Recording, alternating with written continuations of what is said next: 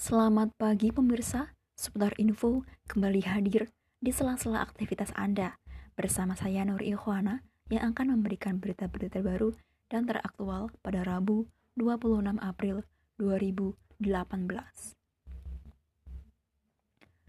Pemirsa ledakan gudang kembang api yang terjadi tadi malam di Somarende, sebuah kecamatan di Banyuasin.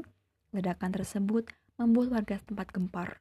Menurut Badan Penanganan Keadaan Darurat Daerah BPKDD, ledakan yang terjadi tepat pukul 8 waktu setempat bermula dari sebuah toko dan gudang kembang api di kawasan Pelatuk, Somarende.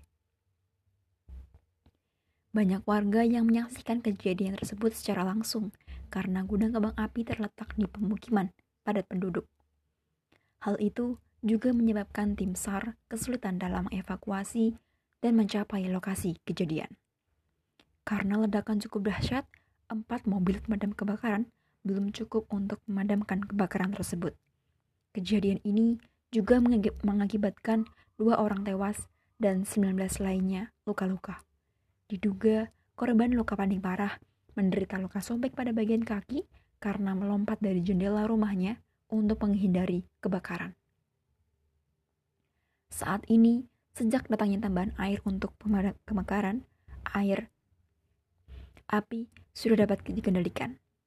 Demikian yang dapat saya laporkan saat ini. Nuri Ikhwana dan segenap kru yang bertugas undur diri. Terima kasih dan sampai jumpa kembali.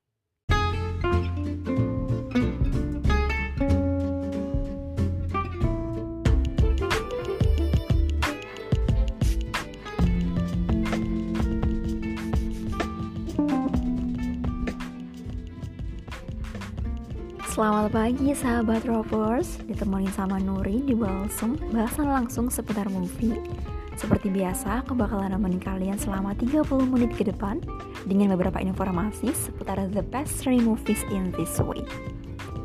Tapi sebelum itu, buat kalian yang mau nambah informasi lebih lanjut, bisa langsung cek Instagram kita di @rovers.fm. Nah, sahabat Rovers, di sini aku bakal ngasih tiga film terbaik di minggu ini loh. Tapi sebelum itu, aku bakalan puterin lagu nih buat kalian. Lagi di Before You Go.